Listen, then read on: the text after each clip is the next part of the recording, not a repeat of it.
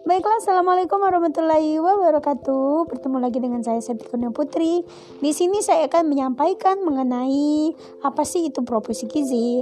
Nah, proporsi gizi, proporsi proporsi gizi ini merupakan salah satu bidang kesehatan di mana gizi ini menangani semua bentuk makanan, jenis makanan yang ada di rumah sakit. Nah, itu ahli gizi.